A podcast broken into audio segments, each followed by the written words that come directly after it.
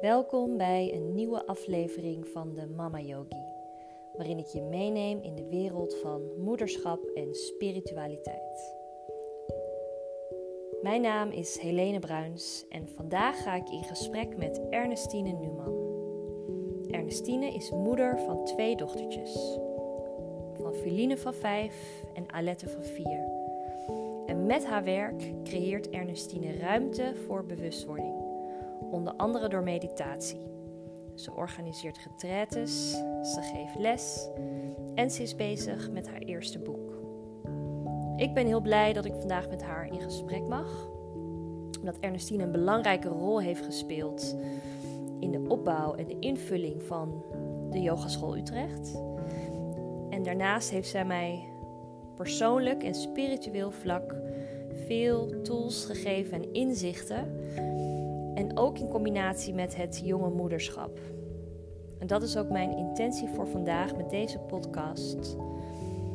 Om jullie mee te nemen in deze inzichten en hopelijk wat tips en tools te krijgen voor wat meer balans in deze drukke fase.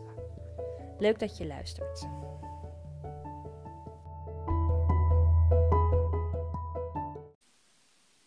Hallo?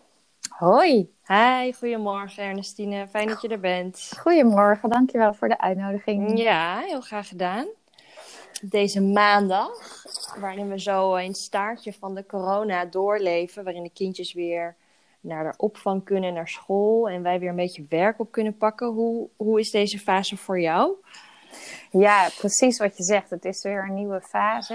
En uh, ik, ik vond het wel grappig. Ik had hier ook net een gesprek over met een vriendin. Dat wat, wat maakt het toch veel uit of je kinderen hebt wat betreft deze uh, ja, coronafase? Kijk, ja, iedereen heeft natuurlijk zo zijn eigen persoonlijke beleving en, en daarin spelen heel veel factoren. Maar uh, die kinderen, uh, of je die hebt, maakt natuurlijk heel veel uit qua um, ja, agenda. Want eerst hadden we ze helemaal thuis. En vervolgens ga je weer kleine stappen zetten waarin de wereld zich wat vergroot. En mochten ze om de dag bijvoorbeeld. En nu uh, gaan ze weer alle dagen. En zo merk je dus dat er telkens weer een nieuwe fase aanbreekt. Best, best snel achter elkaar. Ja, of snel of langzaam. Dat is natuurlijk ook heel persoonlijk hoe je dat ervaart. Um, en dus het wordt wel heel erg gevraagd uh, van ons als moeder, denk ik, om uh, mee te bewegen. Ja. Toch? Ja. En uh, ik merkte in ieder geval voor mij dat ik in het allereerste begin uh, ook weerstand ervaarde even. Want het moest zich allemaal een, uh, weer een nieuwe draai vinden als gezin met z'n vieren thuis.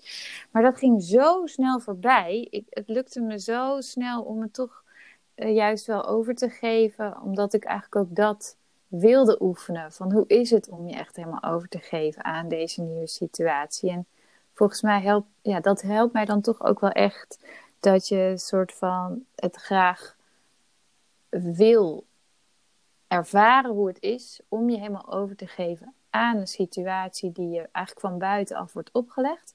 Maar daarin ervoer ik dan toch wel heel erg veel ruimte en vrijheid, juist door dat meebewegen. Ja. Is dat iets wat jij ook herkent of hoe was dat voor jou? Ja, was zeker in het begin ook heel erg weerstand. Hè? Vooral ja. omdat dingen anders liepen dan ik gepland had. En hoe gaan we dit in één keer allemaal doen? Um, en wij kwamen ook net terug van vakantie. Dus ik had hier nog vijf volle koffers en geen hulp. En vijf kindjes thuis en een lege koelkast. Dus dan, dan zit je in één keer in al die oh jees. En um, ja, op een gegeven moment vind je daar ook je weg in. En net wat jij zegt, het moment dat je de situatie accepteert zoals die is, vind je daar ook veel meer berusting in. En ging ik voor mezelf uh, ja, ook hele mooie kanten ontdekken. Hè? Dat ik meer berusting vond, kreeg ik veel meer ruimte om ook echt bij de kindjes te zijn. En er was verder niks anders. Dus ja, ja, dat, ja. Was, wel, uh, dat was wel een heel mooi proces om op die manier uh, mee te maken. Ja, super mooi inderdaad. Ja, dat ja. heb ik ook zo ervaren. Ja.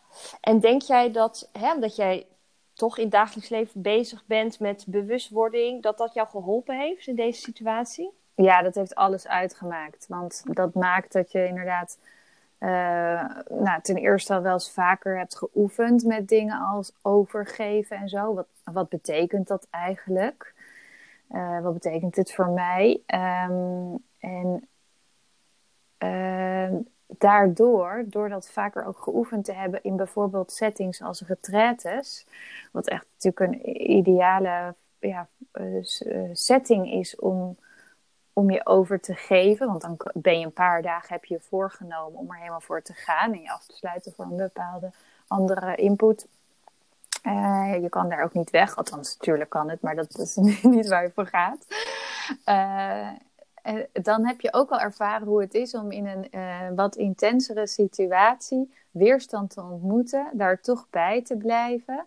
En dan te ervaren dat dat ruimte en rust geeft en ja, nieuwe, nieuwe vrijheid in jezelf.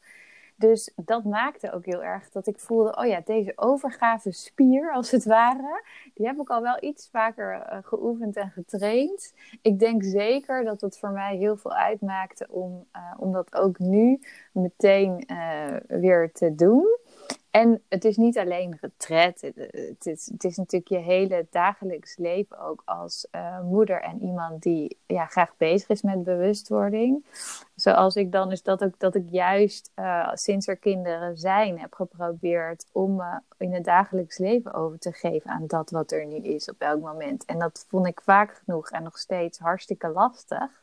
Ja. Maar, maar, ik wilde het wel heel graag juist oefenen altijd. Omdat ik voelde, volgens mij is dit echt een hele rijke, ja, vruchtbare bodem. Om telkens weer te kijken in, in het dagelijks leven. Of het nou hectisch is, of juist een beetje saai. Of ik het nou operationeel vond, of juist heel, uh, ja, uh, een beetje eentonig om dat telkens weer te oefenen van kan ik er gewoon bij blijven en kijken wat hier te vinden is voor goud eigenlijk in dit dagelijkse, hedendaagse leven in elk moment. Ja, ja, mooi. En herken jij dat ook? Ja, nou, wat ik vooral herken aan jouw verhaal is ook uh, hè, die vergelijking dat als je dus naar een retraite gaat en het daar oefent, ja. Uh, zoals jij dat dan noemt, dat je die spier makkelijker kunt vinden. Maar tegelijkertijd kan ik me ook indenken vanuit mijn eigen ervaring dat uh, het naar een retraite gaan in die zin soms makkelijker is om dingen los te laten of om je over te geven, ja. omdat je ook echt weg bent. Ja. Ja. En hè, als je thuis bent en je zit in de, in, in de middle of de storm, zeg maar, en er gebeurt van alles om je heen waar je geen controle over hebt. Ja. Um, hè, dat je in die situaties dus ook je over kunt geven, dat, dat ja. ja vergt denk ik echt wel wat oefening. Ja, Althans, als ik voor mezelf spreek, uh, dat, dat, dat vind ik de moeilijkste momenten. Ik ook. Ik vond dat ook zeker. Ik vond dat ook, ik vond dat ook lastiger dan, dan naar, gaan naar een retraite. Uh, maar dat verschilt ook per persoon. Dat hoor ik ook wel van mensen die juist meegaan met ons naar retraites. Hè? Want we geven ze natuurlijk uh, samen ook. Sommige mensen vinden dat juist spannender dan in het dagelijks leven proberen er helemaal bij te zijn. Uh, en dat, dat ligt dus aan je aard en je voorkeuren, denk ik. En ja, ja wij, wij, vonden dan allebei dat het soms in de hectiek van het dagelijks, dagelijks leven nog, wat, nog uitdagender kan zijn om helemaal je daaraan over te geven. En ja, wat mij dan ook wel heel erg telkens weer opnieuw helpt, is um, actief zelfcompassie te, eh, te beoefenen. En, en wat dat dan is voor mij, is, is in elk moment kijken van... hé, hey, hoe voel ik me nu eigenlijk? En dat dan volledig toestaan vanuit een ruimte die er niet over oordeelt... maar meer vanuit liefde voor mezelf. En dat is niet altijd makkelijk, maar dan heb ik zo'n trucje als dat ik bijvoorbeeld denk aan hoe zou ik er nu zijn voor een vriendin of voor een van mijn kinderen die bijvoorbeeld even een, een, moment lastig vindt.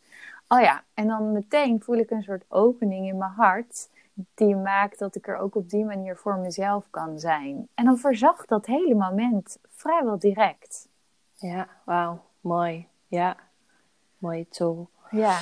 Ja, hey, en deze podcast of deze uitzending specifiek gaat over spiritualiteit en moederschap. Ja. En nou ja, dat zijn gewoon twee onderwerpen waar jij je dagelijks uh, je heel veel mee bezighoudt. Ja. Um, En nu kan ik me indenken dat er mensen zijn die dit luisteren. Die denken, ja, spiritualiteit. Hè, dat ze bijna bij dat woord afhaken. Mhm. Dus ik was, ik was wel eens benieuwd uh, hè, wat spiritualiteit is voor jou. Hoe, hoe jij dat zou omschrijven. Ja, ik denk inderdaad ook uh, dat de woorden die, die je daarvoor kiest, die uh, maken of breken het soms. maar het is zo persoonlijk inderdaad wat voor jou spiritualiteit is. Voor mij is het uh, zelfkennis opdoen. Het is echt nieuwsgierig zijn naar wie ik ben en vooral ook wat ik ben. En daarmee bedoel ik, ja, oké, ik ben Ernestine, maar wie is dat eigenlijk? Nou, er zijn bepaalde dingen waar ik een voorkeur voor heb, of bepaalde talenten waar ik mee ben geboren, wellicht. Maar wat is ook, uh, wat is het wat ik werkelijk ben? En dat is een soort zoektocht, denk ik, voor iedereen. Maar soms is het ook wel een vindtocht, vind ik voor mij is het zo dat als ik gewoon stil zit in de natuur of in meditatie, dan ervaar ik namelijk dat ik iets, iets ben uh, waaraan gedachten voorbij komen. Hè, als wolken in de lucht wordt zo vaak gezegd in meditatie. Of dat emoties uh, opkomen en zich weer terugtrekken. Er is iets wat daar naar kan kijken vanuit een soort stilte die best onaangedaan is ten opzichte van dat wat komt en gaat. En het voelt voor mij alsof dat is wat ik werkelijk ben. En dat geeft mij altijd veel uh, rust en ook geluk. Het voelt alsof het werkelijke geluk daar ook in te vinden is. En ik denk dat spiritualiteit dat voor mij is. Die hele persoonlijke zoek of vindtocht naar dat wat je werkelijk bent. Ja, voor voorbij je identiteit misschien. Of voorbij ja. de rollen die je in het dagelijks leven precies, hebt. Precies, ja. Meer ja. Dat, dat waaruit alle rollen voortkomen. Ja. En, en hoe, is, hoe is die reis bij jou begonnen? Um, ja, ik denk toen ik al heel jong was, had ik wel echt een verlangen om veel in de natuur te zijn. Um, en dan als ik daar, en daar gaf ik ook aan toe, want ik, ik groeide ook op in een vrij rustiger Twente. nu woon ik in de Randstad, maar daar was de natuur dichterbij. En dan voelde ik me gewoon verbonden met een groter geheel. Alsof ik dus deel uitmaakte van een groter geheel, deel uitmaakte van de natuur. En dat voelde eigenlijk heel uh, rustgevend en heel zingevend. En dat, ben ik, dat gevoel ben ik nooit kwijtgeraakt. Alleen was het wel zo dat in de fases dat je bijvoorbeeld je eigen weg gaat vinden in, met uh, banen of um, uh, ja, uh, later ook natuurlijk het krijgen van kinderen. Dat vond ik meer intensere fases waarin het voor mij in ieder geval belangrijker was om ook die spiritualiteit actiever op te zoeken dan ik daarvoor deed. Dus toen ging ik wel echt nog veel meer doen aan cursussen en opleidingen om om die verbinding met mezelf in het grotere geheel veel vaker op te zoeken en er ook veel bewuster bekwaam eigenlijk in te, te worden. Ja, en, en van waaruit is dat gekomen, denk je? Vanuit die periodes die je net noemde? Um, ja, meer een soort urgentie die zich aandrong van... oké, ik ga nu weer op een nieuwe manier mijn plek in de wereld vinden. Uh, veel meer vanuit mezelf. Dus dat was voor mij echt heel erg vanaf de fase dat ik mijn eigen werk wilde gaan doen.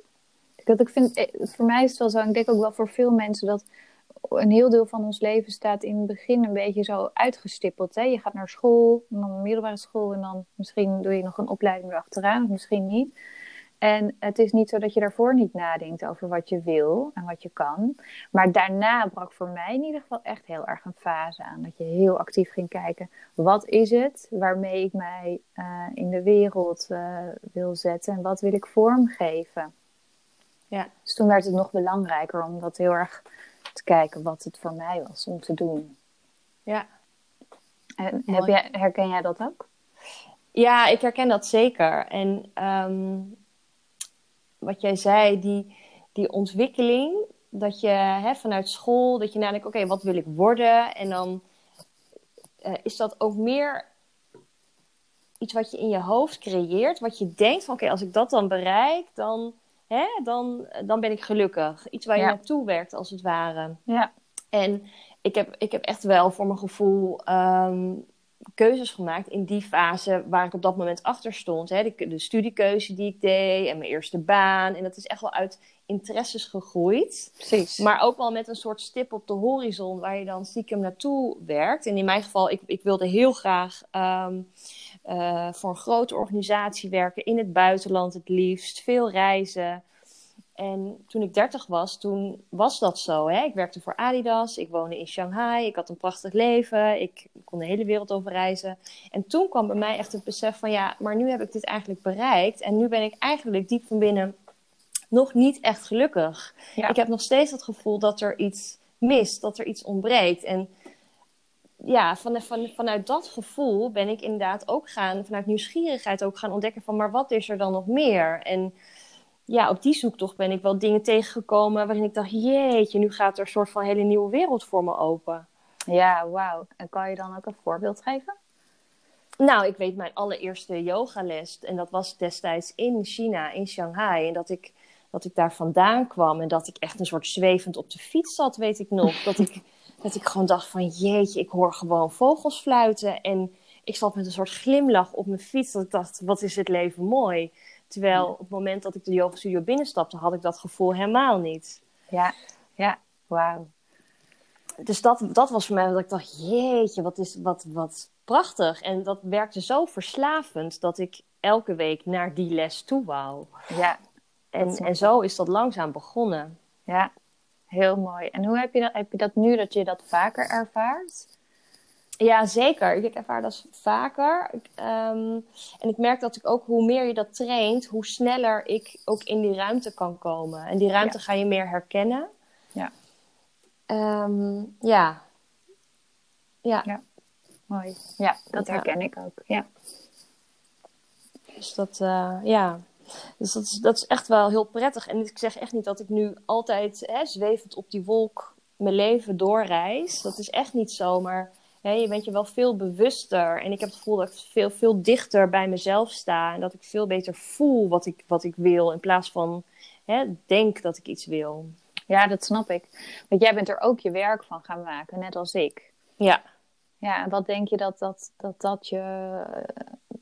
Dat, wat maakte dat je er ook echt je werk van bent gaan maken? Ja, nou bij mij was het, ehm, hè, dus na die eerste yoga-ervaringen heb ik op een gegeven moment besloten, hè, dat is wel een tijdsbestek van twee, drie jaar geweest, van oké, ik ga mijn baan nu opzeggen, want dit is het gewoon niet meer. Ja. En ik wil wat anders. En ik wist nog niet wat, maar toen ben ik eh, een, een eh, yoga-teacher training gaan doen. Niet zozeer met het doel om les te gaan geven, maar puur om mezelf een maand lang onder te dompelen in de wereld van yoga. En ja, dat was zo fantastisch. Dus dat toen ik daaruit kwam, dacht ik, ja, maar dit moet iedereen weten. Ja. Dit, dit moet iedereen ervaren, want dit is zo belangrijk. Waarom hebben we dit niet geleerd toen we klein waren? Ja.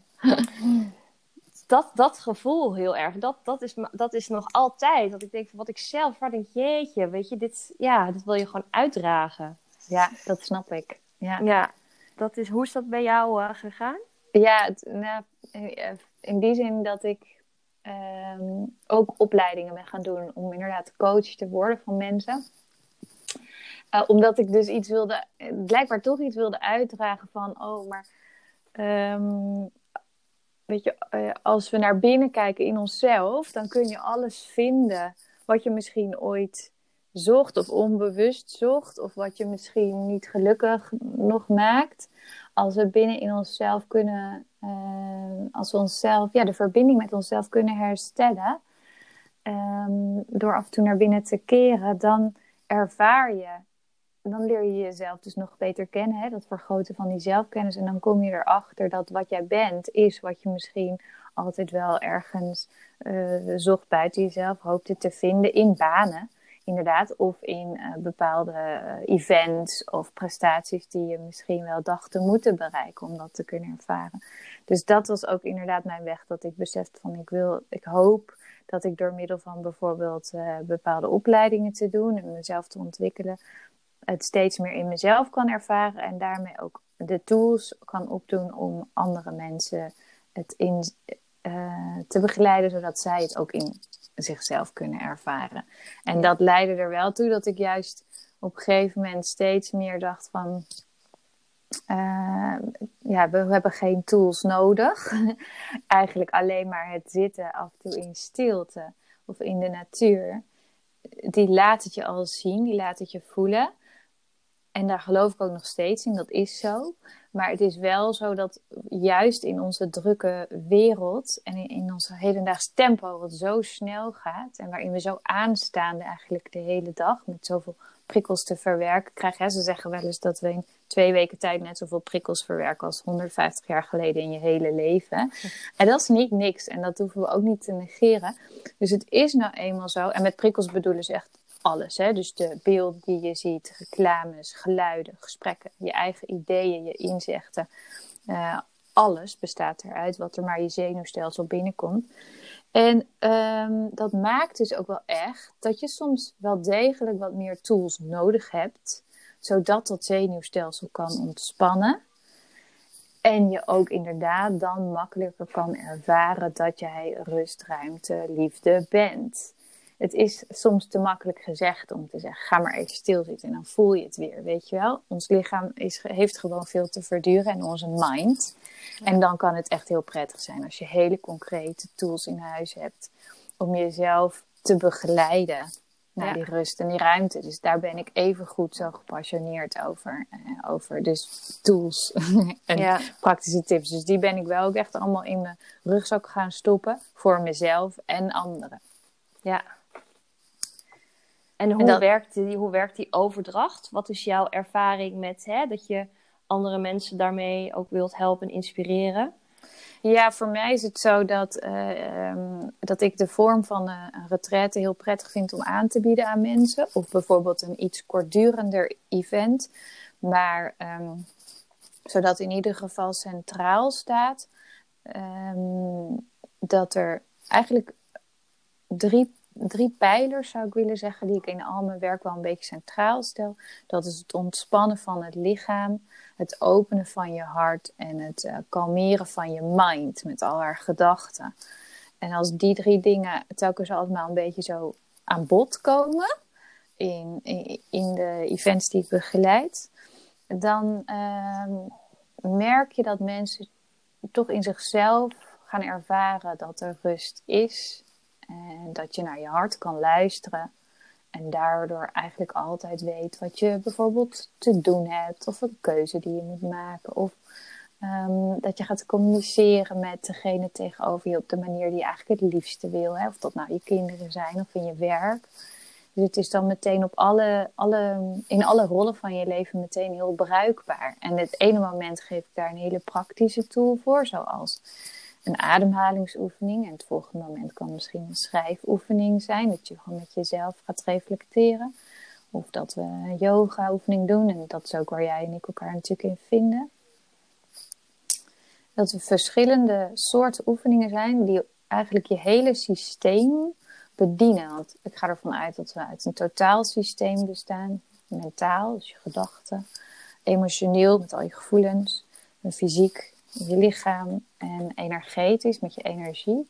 Dus als we daarmee kunnen werken met alle, alle vier die, die ehm, eh, aspecten, dan, ja, dan gebruik je eigenlijk jouw totaalsysteem optimaal. En dat is niet altijd wat we nu doen, ook omdat we het inderdaad niet hebben geleerd van jongs af aan, dat je daaruit bestaat. Er ligt natuurlijk best veel nadruk op de mind in onze opleiding, hier in het Westen in ieder geval. Ja. En dat is heel erg mooi, dat brengt ons heel veel. Maar het is jammer als we dat bijvoorbeeld dan helemaal voorbij gaan aan het feit dat we emoties hebben die ons een richting kunnen wijzen. Of dat we een heel mooi energiesysteem hebben waarmee we onszelf kunnen opladen, dan wel tot rust brengen. Ja. ja. En met de tools die je nu net noemt en met je eigen practice in het dagelijks leven. Hoe combineer jij nou jouw spirituele ontwikkeling en de tools die je hebt? Hoe zet je die in bij het moederschap?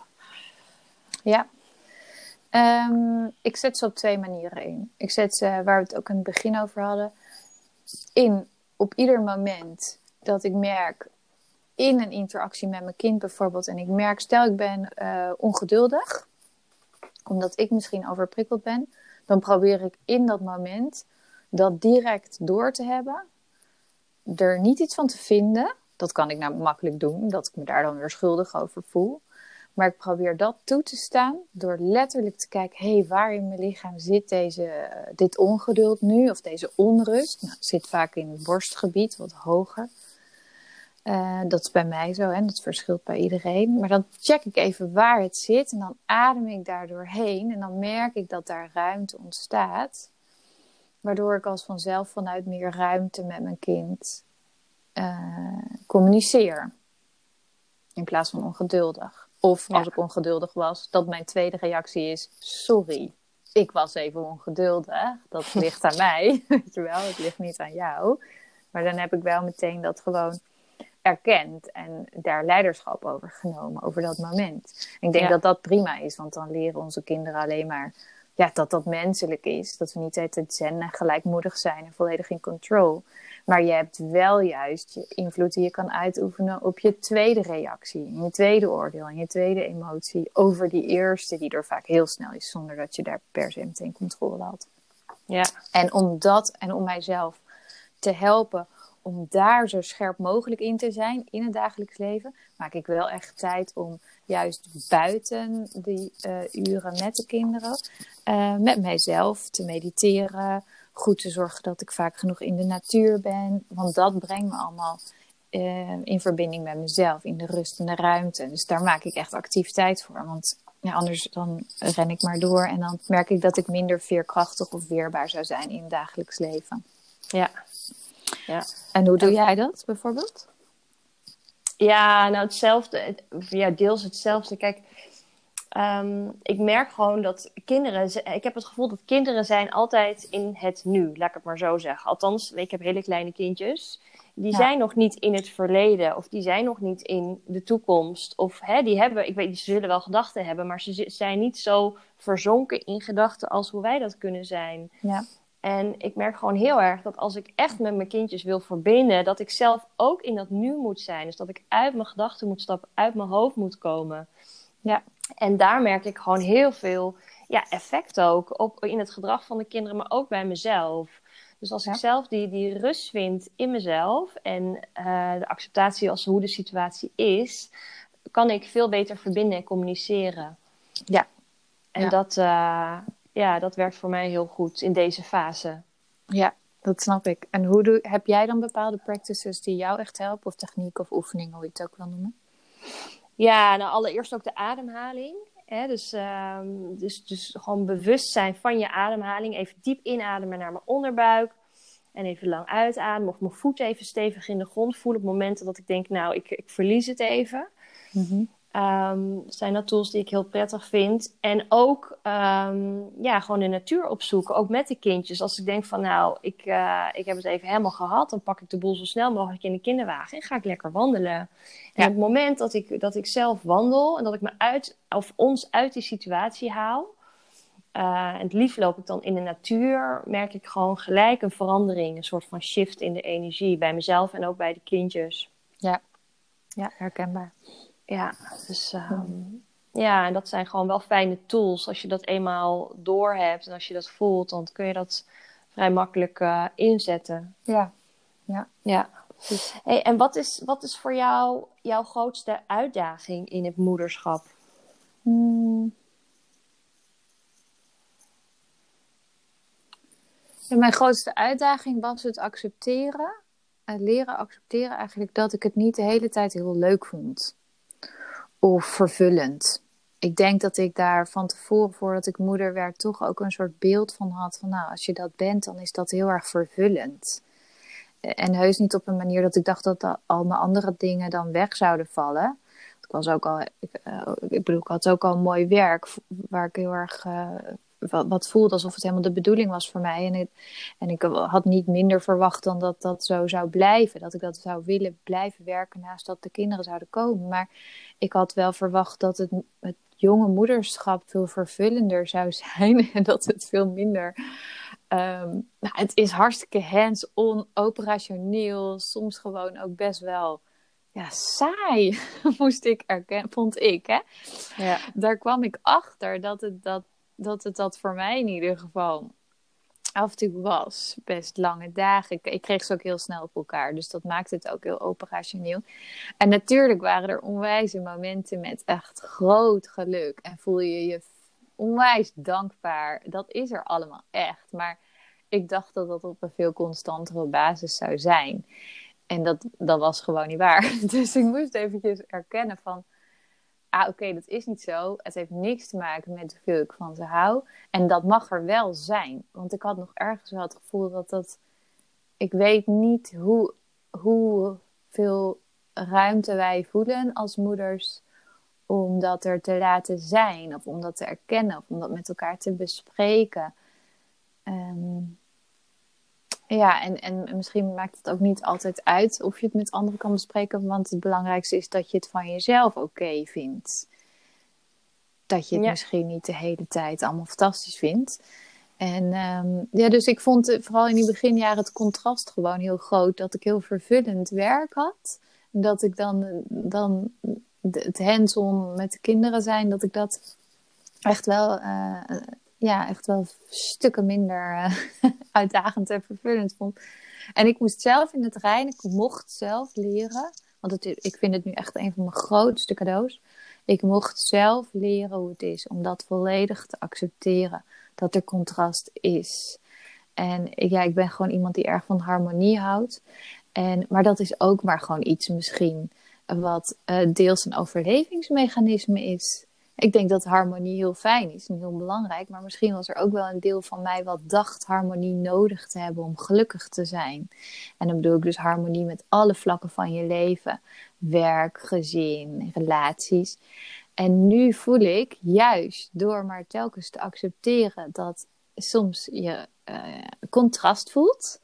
En juist een minder harmonie, voel ik dus veel meer harmonie grappig, ja, hoe ja, dat werkt. Het komt, dus, het komt dus juist allemaal veel meer bij elkaar, snap je? Of mijn rust die ik kan vinden in retraites en in mijn werk kan ik nu ook veel meer in het gezinsleven voeden, waardoor het allemaal veel harmonieuzer samen is gaan vallen.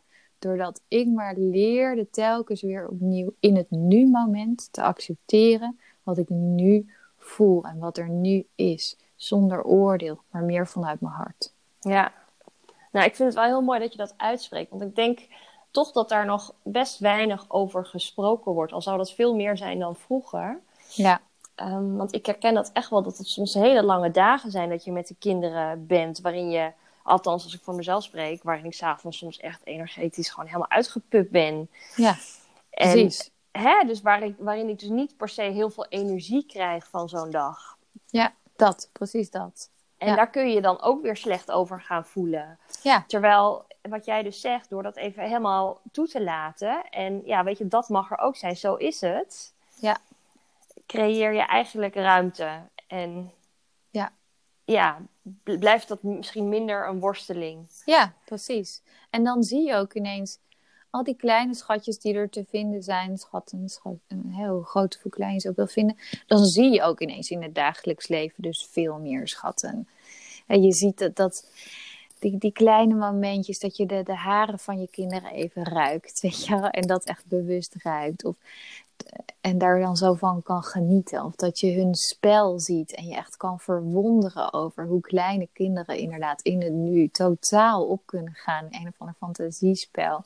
En dat je, daar, dat je het echt ziet, weet je wel. En niet dat het zeg maar ergens in jouw bewustzijn zich afspeelt terwijl ik, terwijl ik sta te koken. Die momenten heb ik heus ook hoor. Maar er zijn dan veel meer van die hele bewuste momenten waarin je ziet: wow, dit is een mooi moment. Ja. Terwijl, terwijl er op papier niet iets heel bijzonders gebeurt. Maar het zijn dan juist die kleine dingen van het dagelijks leven die je ineens veel meer ervaart als een wonder. Ja, ja. En um, hè, wat je net vertelde over dat je dan in die, in die fase waarin de kindjes echt nog zo heel klein waren, dat je eigenlijk best wel veel voldoening haalde vanuit je werk. En dat je die dagen met de kinderen best wel uitdagend vond.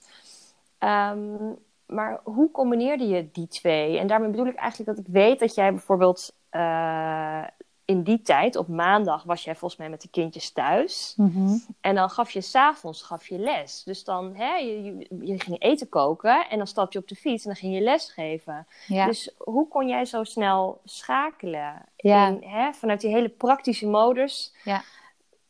in een andere vibe te komen. ja, precies. Ja, ik denk ook. ehm, ik moest er zelf ook wel eens om lachen. Dat dat, dat, dat dan het leven. Eh, Dat dat dan mijn leven zo was. Dat je zo uit het spitsuur wegrent met je. Met je zo nog haar in een rommelig knot. En dan dat je oh ja, ehm, ik ga nu even heel zen zitten doen voor andere mensen. Is dit nou een act of is het, klopt het, weet je wel? Maar het klopte echt omdat het zo... Ik ik ging niet zen zitten doen, maar ik ging gewoon zelf stil zitten, mediteren. En, en dat deed ik met een groep mensen.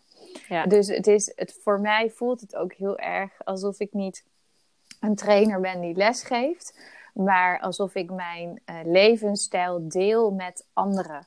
Een levensstijl die anderen ook goed kan doen, eh, die het dagelijks leven omarmt, net zoals die spirituele practice, eh, Ja. als je zo je meditatie wil noemen, want dat is wat ik dan gaf, meditatie. Ehm, dus, dus daarin was het eigenlijk juist het praktiseren van alles is één. Het hoort Ja. allemaal bij elkaar. En dan het is onwijs leuk om in de praktijk te brengen. Ja, en in plaats van dat je mensen per se echt iets leert, Ja. creëer je meer een space of een ruimte waar, waarin je in stilte met elkaar bent. Ja, en dan is dus dat wat ik bied, is ook mijn eigen practice. Ja, Ja, dus het doet grappig. mij net zo goed als die anderen. En, eh, en dat heb ik ook heel erg gemerkt, dat dat dus juist heel prettig was in die fase met die kleine kinderen. Want dan hoor je ook wel vaak mensen zeggen van ja, ik ben eigenlijk te druk hè, voor, voor mijn yoga of mijn meditatie, maar ik zou het wel willen. En dan heb je zo, dat moet ik altijd wel denken aan die bekende uitspraak van als je, ik weet niet meer precies hoe die gaat, maar als je, eh, weet je, mediteer een uur per dag of zo. En als je druk bent, dan twee uur per dag. ja, Hè, ik heb de cijfers even niet paraat, maar je kent die uitspraak wel. ja, ja. En zo is het echt. En dat kunnen we wel weten. En het dan toch soms niet doen. Maar doordat ik gelukkig die les ging geven, stond het gewoon echt op mijn agenda. En eh, was het voor het hele gezin ook duidelijk. Dus ik hoefde ook niet elke keer op te komen voor mijn eigen tijd. Het was gewoon geregeld. En daardoor had ik ook elke keer mijn eigen practice en mijn me-time in één. ja. Ehm, eh, dat, dat gezegd hebbende, denk ik dat het wel heel interessant is om bij jezelf te kijken van als je voelt van, oh ja, ik moet eigenlijk ook opkomen voor mijn eigen tijd. Want die ken ik ook, hè. Als het niet alvast in mijn agenda staat, maar je hebt wel behoefte eraan, dan kan je soms het idee hebben dat je even, ja, toch moet bettelen voor je eigen tijd binnen het gezin. Ehm, eh, dan denk ik dat dat dus onwijs de moeite waard is voor iedere moeder om voor zichzelf goed te zorgen door echt eigen tijd te claimen. Weet je wel, pinpoint het in je agenda. Ehm, tuurlijk overleggen met je man of je partner of wie dan ook is belangrijk. Maar eh, maak hem echt super belangrijk en bijna non-negotiable zou ik willen zeggen. ja. Anders gaat het gewoon niet gebeuren. Want er zijn inderdaad tien dingen allemaal even belangrijk. Ja. Maar wij zijn degene die moeten zeggen: Ik ben nu het belangrijkst, want daardoor ben ik er super goed voor mijn omgeving. En Ja. juist daardoor kan ik er zijn voor mijn omgeving op de manier die we eigenlijk allemaal willen. Ja, en ik heb zelfs soms wel eens het idee dat mannen dat makkelijker kunnen. Hè? Die zijn Ja. er misschien minder mee bezig, maar die zijn vooral van... Oké, ik ga nu even een uurtje fietsen. Ja. En dan sta ik soms wel eens dat ik denk... Oké, eh, tot zo. Dan denk ik, ja, waarom doe ik dat eigenlijk niet? Maar ik ben dan nog zo met... Oh, maar dat moet nog, en dat moet nog, en dat moet nog. Ja. Dus wat jij zegt is wel echt waar. Dat, die, die tijd moet je echt claimen voor jezelf, want anders gebeurt het niet. Ik denk dat vrouwen daar meer moeite mee hebben. Ik weet, dat weet ik niet of het zo is hoor, maar dat is meer gevoelsmatig vanuit mijn eigen ervaring. Ja. Dan mannen. Ja, ik denk het ook. Ik hoor het ook van veel vrouwen. En ja, we zijn gewoon allemaal super verantwoordelijk en heel erg loyaal eh, richting onze omgeving en onze taken. Het is niet dat mannen dat niet hebben, maar die kunnen inderdaad soms met net iets meer flair zeggen: hé, hey, ik ga nu trouwens een uur dit of dat doen. En eh, wij zitten misschien nog eerst even te denken van, oh, kan dat wel? En is het wel fijn? En ook soms hebben wij natuurlijk eh, iets meer moeite. Dat is ook generaliserend gesproken. Maar goed, ik, ik spreek voor mezelf inderdaad. En ook echt wel voor veel vrouwen die ik ken. Dat je soms denkt, als ik dit en dit en dit af heb, dan kan ik daarna gewoon beter chillen. Ja, maar ja, dat Weet heb je? ik ook heel erg. Maar Ja. ik heb de ervaring geleerd ook dat het niet zo is. Nee, het is niet zo. En er zijn Want er is, dingen. het is nooit allemaal af. Nee, Er precies. is altijd nog iets. Er is altijd nog Ja. iets. Dus dat Ja. kunnen we gewoon beter als een gegeven gaan aannemen. Er zijn altijd nog tien dingen. Me first nu.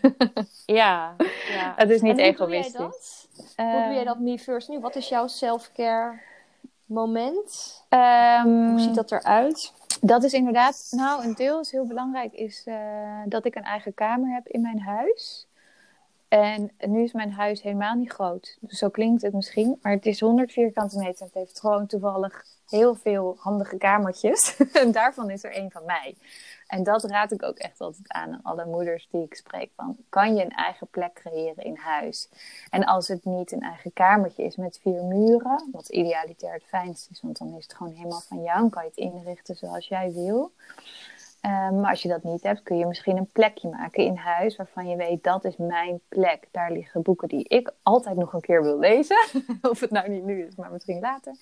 Weet je wel, daar heb ik een fijne kaars of een lekkere stoel met een relaxe deken en ehm, of je meditatiekussen of wat je dan ook hebt om gewoon te kunnen ontspannen. Wat jouw moment tot jouw moment maakt. Als je een, een eigen plek hebt in huis, dat verlaagt heel erg de, de drempel om daar ook naartoe te gaan. En dan eh, zorg ik ervoor dat ik het echt eh, dat ik het regelmatig doe. En het is niet zo, wat voor sommige mensen heel goed werkt, is om het letterlijk als een vast moment in de agenda te hebben. Dat eh, hoef ik niet per se te hebben als ik maar weet dat ik er op wekelijkse basis genoeg aan toe kom. En dan ga ik gewoon zitten in stilte. Ik zet of een mooi muziekje aan of ik doe een meditatie van iemand anders. Ik luister naar andere begeleiders of ik ga inderdaad een wandeling maken ehm, met mezelf.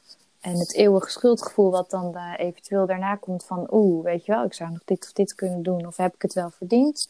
Nou, dat zie ik dan puur weer als een oefening... om dat gevoel toe te laten, helemaal toe te laten. Zonder oordeel. En toch vanuit mijn hart te zijn in die me-time. Ja. Ja. Daar ook echt dan even van te genieten misschien Ja. wel. Precies. Ja. Ja. zodat je er echt van kan genieten. Want het heeft echt te maken met of je het jezelf dan ook gunt. Kan je het jezelf gunnen dat je dat moment hebt? En dat is soms lastig. Ehm, maar misschien wel juist onze grootste ja, uitnodigingen eh, die we aan onszelf kunnen doen. Ja.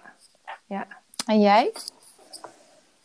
Nou, ik, ik, ehm, ik hoor heel erg wat je zegt en eh, over die ruimte in huis. En toen zat ik gelijk te denken, want ik heb op zich wel een plekje in huis, wat ook een soort van mijn plekje is. Alleen daar staan geen vier muren omheen, dus dat voelt echt wel anders. Ja.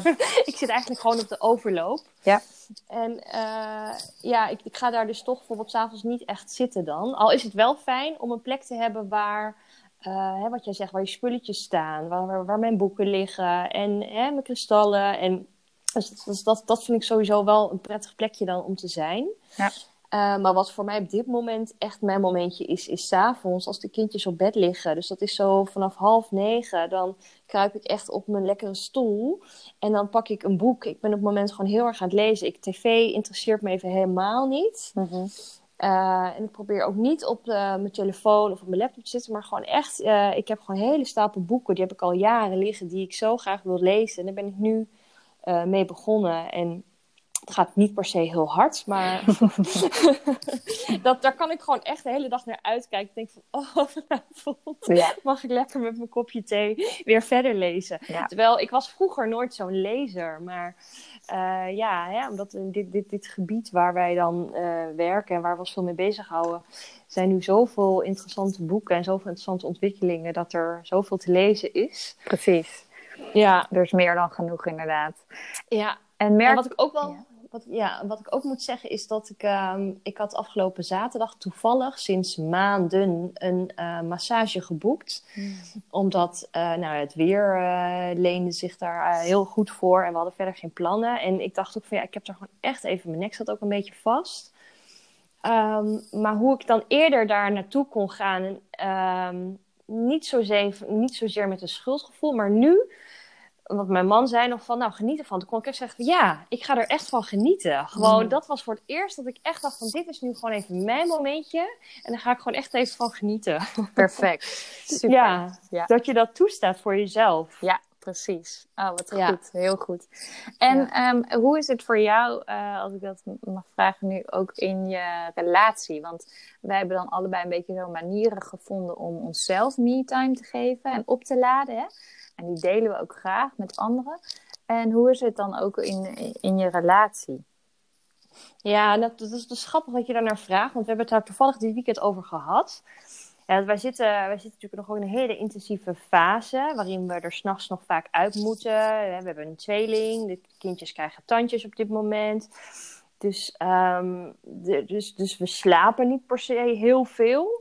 Dus de momenten die er zijn, s'avonds, dan wil je ofwel op tijd naar bed. Of, hè, of we doen een soort van shifts. De een gaat op tijd naar bed en de ander doet dan nog een soort van nachtvoeding.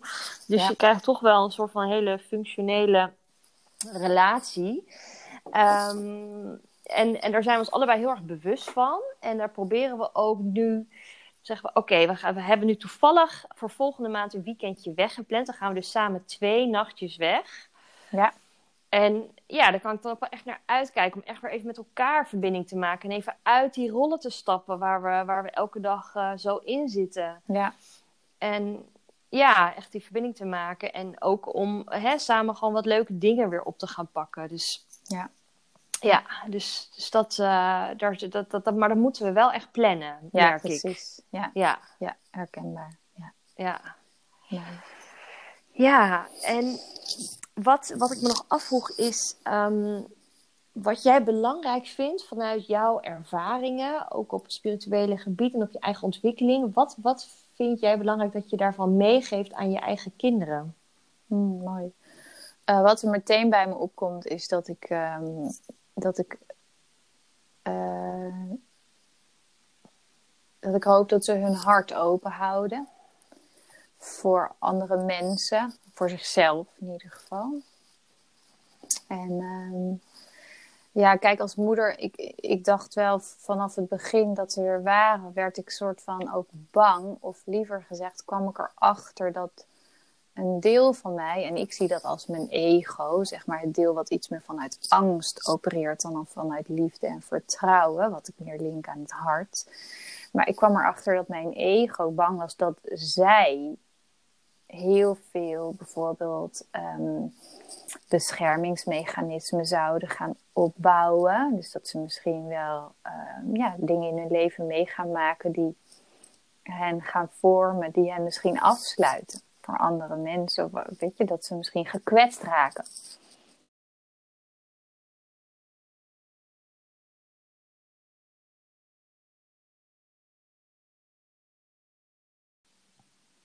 Nou, dat was even heel heftig.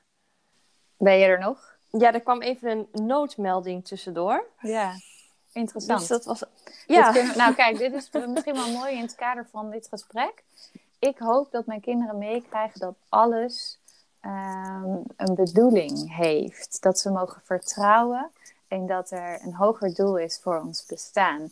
En zoals nu, als er dan zo'n noodmelding doorheen komt terwijl ik aan het praten ben, dan denk ik zelf meteen: hé, hey, wat zou hier de achterliggende bedoeling van zijn? Weet je wel? Is dit een soort van teken van het universum? Van let op, weet je wel? Uh, ja. Wat je nu zegt is gewoon: uh, ja, daar zit een waarheid in. Voor mij in ieder geval. Omdat ik was aan het vertellen dat ik erachter kwam dat ik bepaalde angsten had voor mijn kinderen.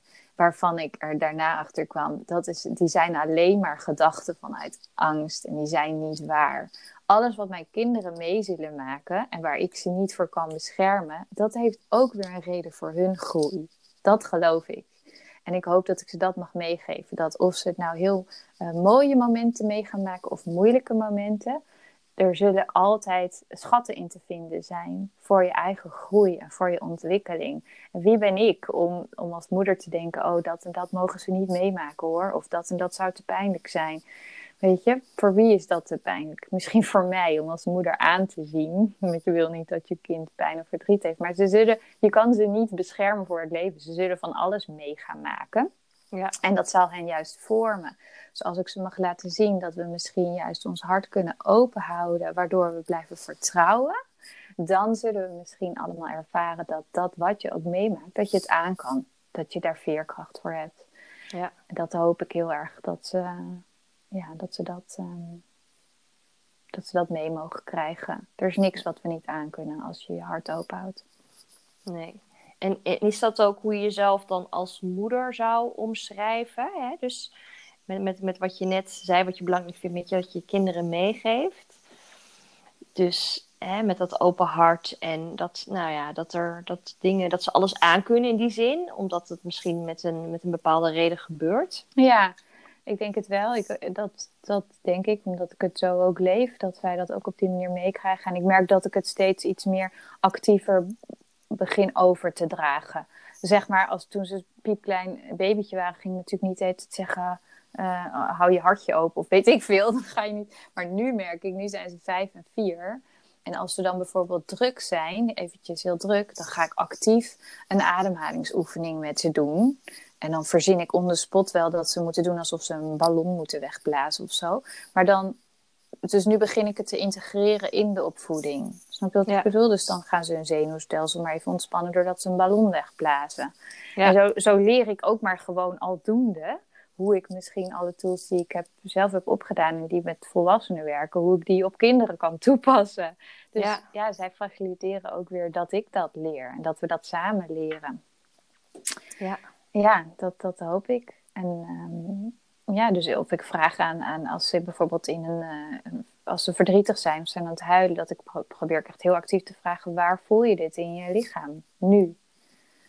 En dan kunnen ze verbazingwekkend goed soms al aangeven welk deel van hun lichaam onrustig is. Of waar het verdriet zit, of waar de pijn zit. En zo hoop ik dat ik de kinderen vanaf jonge leeftijd kan bijbrengen dat alles in je lichaam te vinden is. In ieder geval qua emoties. Ons lichaam is super wijs. Ja. En vertelt je wat je voelt en wat je te doen hebt. Ja. En ik hoop, dat ze, ja, ik hoop ze dat vanaf jongs af aan eh, veel meer in contact te kunnen houden met hun lichaam. Zoals ik dat zelf niet heb geleerd in mijn jeugd. Ja, mooi. Ja.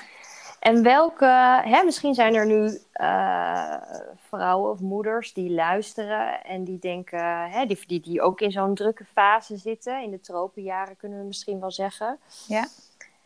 En die denken van ja, ik, ik, ik, heb, ik heb ook wel interesse om om, om, hè, of om dat te ontwikkelen of in, om daarin te duiken, maar dat het helemaal een nieuw gebied is. Wat voor tip heb je dan voor die vrouwen of voor die moeders? Of wat zou je hun dan aanraden? Mm, als ze meer met zich dus zelf tools willen opdoen om meer ook lichaamsbewustzijn. Ja, dat en misschien sowieso uh, hè, spirituele ontwikkeling zelfbewustzijn, meer contact met, met zichzelf. En vooral vanuit die drukke fase waarin ze zitten, waarin je jezelf zo makkelijk kan verliezen in de drukte van alle dag. Ja, ja dat klopt. Ja, ik denk, um, nou, het is wat mij betreft super persoonlijk tot wie je aangetrokken voelt. Als we het hebben over uh, uh, bijvoorbeeld mindfulness cursussen of uh, mindful parenting cursussen of dat wat jij en ik doen, yoga, aanbieden, meditatie, retreats voor jonge moeders waar je je tools kan opdoen. Kijk, dat, dat bieden wij natuurlijk ook, maar uh, er is ook heel erg veel moois te lezen. Er is nu ook veel meer, zoals bijvoorbeeld Happy Kids is nu ook nieuw ontwikkeld. Dat je ook echt juist voor ouders, bewust ouderschap, dat daar veel meer aandacht voor komt dan dat er was.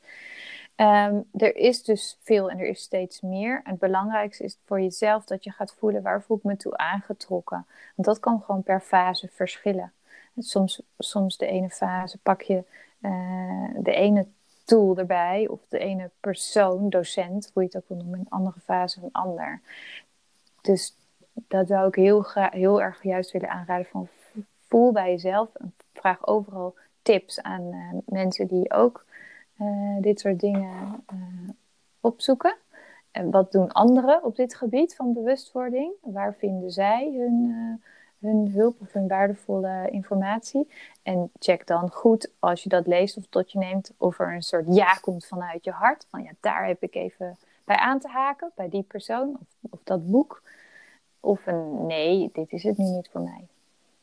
Ja. Ja, want ik weet vanuit mezelf, hè, het, uh, 10, 15 jaar geleden, dat, dat ik uh, uh, nou, interesse had in deze wereld, maar dat ik echt niet wist waar ik moest beginnen. Ja dat er is zoveel. En ja, wat is dan fijn en wat niet? En ik weet wel dat ik dat zelf heel lastig vond. En dat ik, dat ik maar gewoon dingen ben gaan ervaren. En dat je zodoende Ja. denkt, oh ja, dat vind ik wel fijn, dat vind ik niet fijn. Ja. Ehm, en, en, en, en de grootste tool, die heb je eigenlijk altijd bij je. eh, het gewoon in stilte zijn. Ja. Dat kan natuurlijk altijd en overal. Ja. Al weet ik uit mijn ervaring, vooral nog toen ik werkte ehm, en mijn hoofd soms zo vol zat. En dat ik dan s'avonds thuis kwam, dat ik dacht, oké, nu ga ik even in stilte zitten. Nou, dat was echt onmogelijk. Dat was zo'n grote stap. Hmm. En wat deed je dan? Nou, en dan uiteindelijk dan draaide ik het zo dat ik een bepaalde yoga-houding ging doen. Dan ging ik bijvoorbeeld in child's pose liggen. Ja. En dan lag ik bijvoorbeeld gewoon 10 minuten in child's pose. ja En dat was het dan. Ja. En zo is het bij mij echt begonnen. Zeg maar om een soort thuis-practice te krijgen. Ja, ik denk dat dat perfect is. Je vindt iets wat voor jou haalbaar is. Gooi alle eh, prestatiegerichtheid of wat dan ook, mocht die er ook maar enigszins zijn, overboord. Maak er geen eh, enorme doelen van, maar hele kleine stapjes. Dat werkt altijd het beste. Weet je, al zit je maar één minuutje met jezelf stil op de bank, gewoon te staren. Alleen Ja. dat. Ja. Of één yoga-houding zoals jij noemt. En dan misschien dat dat zich op een gegeven moment uitbreidt. En dat je steeds meer, ik denk dat, dat jij en ik dat ook allebei kennen. Op een gegeven moment is je leven veel meer een afspiegeling. En zit het in alles verweven. De kristallen liggen op mijn bureau. eh, ik, weet je, wel, de- ik, ik, ik adem, haal adem terwijl ik mijn mails stuur. Of tussen twee mails door. Het komt veel meer verweven door je dagelijks leven heen. En in het begin is dat niet zo. En dan is het perfect als je gewoon hele kleine stapjes zet. Ja. Eén klein oefeningetje uit je yogales, weet je wel. Eén klein ademhaling volgen. Dat is echt perfect. En dan, als je dat kan doen, dan breidt zich dat vanzelf uit. Want dat gaat gewoon vanzelf. Echt, Ja. als, als je je gevoel maar volgt. Hey, en jij bent bezig met je eerste boek. Waarvan ik weet dat er ook tips en tools in staan. Voor specifiek jonge moeders ook. Ja. Zou je wat willen vertellen daarover? Ja, het is eh, inderdaad de bedoeling dat, je, dat, eh, dat er een boek komt. Ik hoop dat het op een gegeven moment gedrukt gaat worden. Maar nu staat er in ieder geval alles op papier waar moeders zich in kunnen herkennen en eh, tools in kunnen vinden om tot rust te komen. Dus je leert bijvoorbeeld zelf een eh, bodyscan te doen. Een van de bekendste oefeningen uit mindfulness die je lichaam ontspant. En je leert eh, zelf je energie op te laden, gewoon door middel van laagdrempelige oefeningen die, je, eh, die ik dan heb uitgeschreven. En eh, je leert zelf veel, nog veel meer zelfcompassie te vergroten. Dus eigenlijk allerlei dingen die je heel praktisch in je dagelijks leven kan integreren. Ehm, ja, om dat, om dat leven lichter te maken. Ja. Mooi. Super. Ja, Oké, nou dat was eigenlijk mijn laatste vraag. Ik denk dat dat wel een hele mooie afsluiter is ook. Zo wat jij net zei, tools om lichter te leven. En ik denk dat we dat eh, in deze fase gewoon allemaal heel goed kunnen gebruiken. Dat alles eh, welkom is. ja, En dat het niet altijd heel groot hoeft te zijn, maar dat het juist die hele kleine dingetjes eh, zijn die wat meer rust en wat meer ruimte en wat meer ontspanning kunnen bieden. ja, zeker. Ja, en eh, nou, volle verwachting van eh, jouw boek eh, hopelijk. Ik hoop het ook. ja. nou, dan wil ik je heel erg bedanken. Misschien is het nog wel leuk om als allerlaatste afsluiter, nu we het over boek hebben, misschien is dat nog een leuke tip. Wat is jouw all-time favorite boek? Oeh, dat kan ik nooit beantwoorden. Mijn man wordt altijd gek van dat ik nooit vragen met lievelings kan beantwoorden, want dan komen er tien antwoorden. Ja, nee, ik kan ook vragen, wat lees je nu? Maar ik vind het zelf wel leuk van, wat is het boek wat dan in het eerste eh, in je opkomt? Oh. ehm. Ja, ik moet zeggen dat toen ik juist toen ik zwanger was, was ik heel erg blij met bewust. eh, nee, zwanger met lichaam en ziel van Suzanne Smit. Ehm, dat is dus echt wel jaren geleden, hè? maar omdat we het nu hebben over de setting kinderen en spiritualiteit en bewustwording, was dat toen in mijn beleving een van de weinige boeken die, het, eh, die als een, vanuit een totaalbenadering keek naar zwangerschap en het, eh, het jonge moederschap. En waarvan er naar mijn idee niet zoveel was, maar waarvan er veel meer nodig is. Totaalbenaderingen. Ja. Dus mentaal, emotioneel, spiritueel, kijken naar dit ongelooflijk mooie proces, deze reis die moederschap biedt. Ja. Ja, mooi. Super. Nou, dan wil ik je heel erg bedanken Ja, voor dit eh, gesprek. jij bedankt voor de vraag. Ja, en ehm, nou, ik wens je nog een hele fijne dag. Jij ook. Oké. Dankjewel. Dag. Doei.